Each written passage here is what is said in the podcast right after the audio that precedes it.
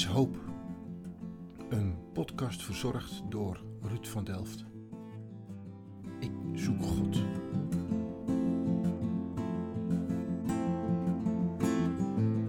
Laat ik hem Dennis noemen.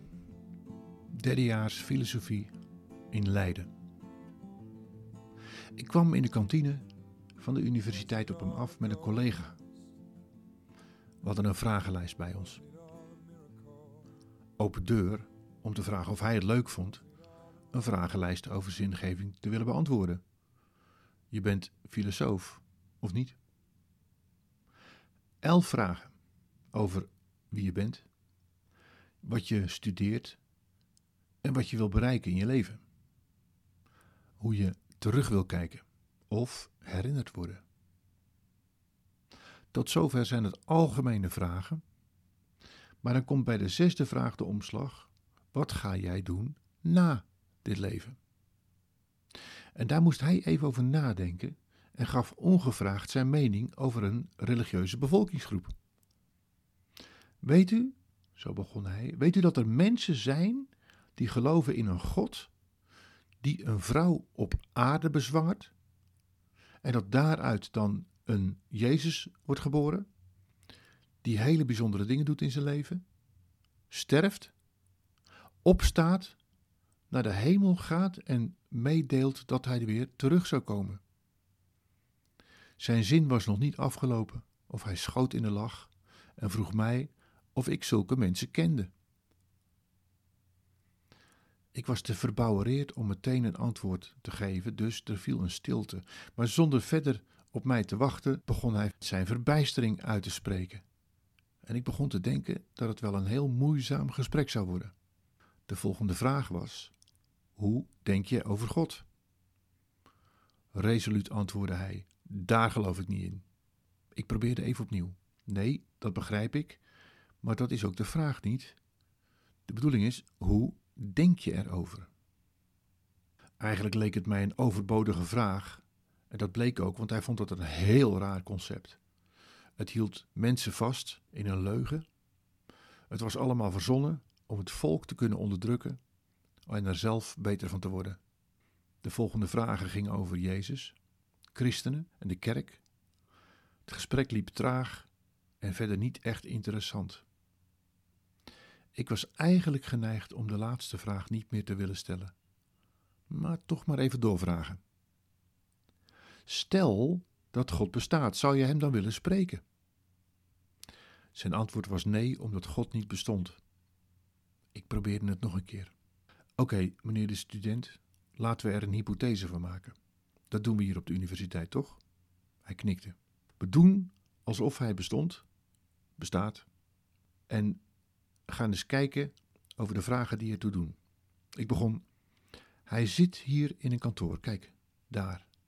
Ik wees op een uh, deur aan het eind van de gang. Die stond op een kier. Kijk, je krijgt de kans om daar binnen te gaan, daar zit hij. Wat doe je? Ga je naar binnen of ga je niet? Hij moest wennen aan het idee van een hypothese, maar ging aarzelend over het stag en antwoordde dat hij naar binnen zou gaan. Oké, waarom zou je naar binnen gaan? antwoordde ik. Zonder daar verder over na te denken, was zijn antwoord: Nou ja, ik zou hem vragen waarom hij al die oorlogen toestond. En al die oorlogen toestaat. En al die mensen die ziek zijn en, en doodgaan.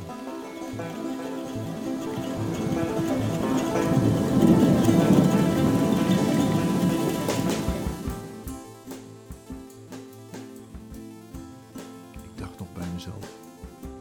Dieren gaan dood, mensen overlijden. Hoe denk jij dat God op die vraag zou reageren? was mijn reactie. Na een korte stilte begreep hij dat het wel een belangrijke vraag was en dat God hem die vraag ook hem zou willen stellen. Hij schrok een beetje van zijn eigen antwoord. Om de impasse te doorbreken vroeg ik hem of hij bereid was om God te adviseren hoe hiermee om te moeten gaan. En die vraag had hij niet verwacht, maar het opende wel nieuwe perspectieven. Hmm, God advies geven. Dat was een lastige, maar na een paar minuten gesprek had hij maar één advies aan God. Ik zou hem adviseren genadig te zijn. Hij was blij met zijn antwoord. Ik reageerde met: Ik heb nog een vragenlijst. Vind je het leuk om er nog één te doen? Nu? was zijn vraag. Nee, volgende week. En in stilte bad ik: Ga jij vannacht maar eens lekker wakker liggen, jongeman. De volgende week was in orde. En inderdaad, de week daarna zat hij weer op dezelfde plek en duidelijk klaar om weer in gesprek te gaan. Hij zag ons al aankomen. Nu gebruik ik voor het tweede gesprek een fotocollage om de antwoorden te verzamelen. En het gevolg is dat als je vragen stelt aan de hand van foto's, mensen meer met hun hart gaan spreken. Het blijkt een heel ander verhaal te worden, is mijn ervaring. Heel wat ontboezemingen heb ik aangehoord zonder dat degene tegenover mij schroom had om zijn of haar verhaal te vertellen. Ik legde een stapel foto's neer met de vraag hoe hij zichzelf zag en om daar een aantal foto's bij te kiezen. En de volgende vraag is dan: hoe zou je jezelf willen zien met een aantal foto's? De twee volgende vragen gaan over God, hoe hij is en hoe hij zou willen dat God zou moeten zijn. En bij die tweede vraag begon Dennis met de mededeling dat hij nog even terug wilde komen op het gesprek van de week daarvoor. Weet u nog, begon hij, ons vorige gesprek? Ik knikte wat onduidelijk en gaf hem ruimte om verder te praten. Ik sprak over het feit dat God genadig moest zijn en ik schrok eigenlijk van mijn antwoord. Ik heb wakker gelegen van het antwoord. Mijn hart sprong op van, de gebedsverhoring. Uh, wat bedoel je? vroeg ik. Nou, weet u nog dat ik als antwoord gaf dat God genadig zou moeten zijn voor de mens? Ik besef mij dat genade alleen niet genoeg is. Oh, vertel eens, vroeg ik. Nou, er moet toch iets van rechtvaardiging plaatsvinden, want genade alleen, dat is niet genoeg. Er gebeurden twee dingen met me. Eén, ik moest aan een citaat denken uit de Bijbel, Johannes 1, want daar staat dat Jezus naar de aarde kwam vol genade en waarheid. Letterlijk staat er in de HSV-vertaling: En het woord is vlees geworden en heeft onder ons gewoond. Haakje openen. En wij hebben zijn heerlijkheid gezien, een heerlijkheid als van de enig geborene van de Vader. Haakje sluiten. Vol genade en waarheid. Het tweede ding wat door mij schoot, is een boek van Dr. Henry Cloud.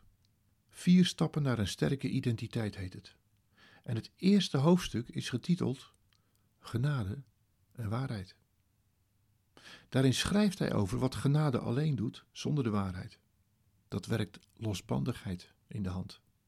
Genade alleen, ik vergeef je, sla maar, ik vergeef je. Waarheid alleen geeft letterknechterij, we gaan elkaar vertellen hoe het moet, zonder genadig te zijn. De combinatie van beide, die is uniek.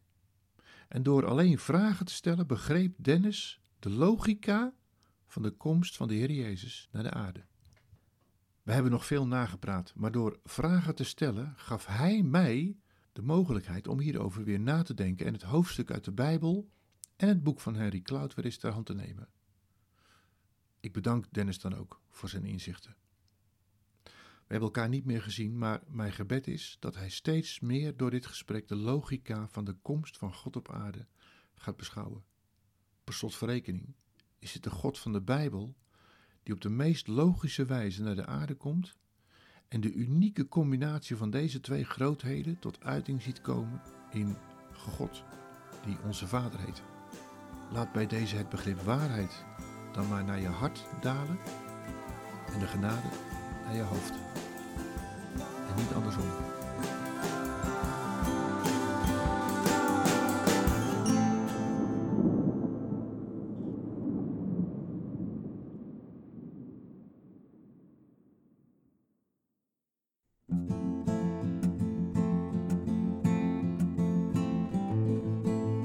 Er is hoop. Een podcast verzorgd door de Stichting Agape. Motto van de stichting is: geloven, groeien en gaan.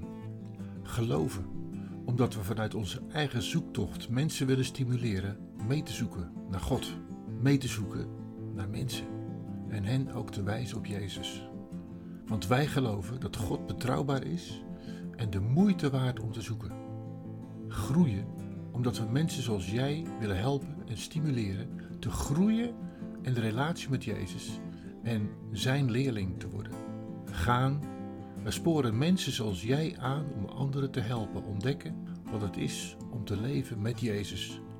We leren je om je leven te delen in je eigen omgeving of de plek waar God je naartoe stuurt.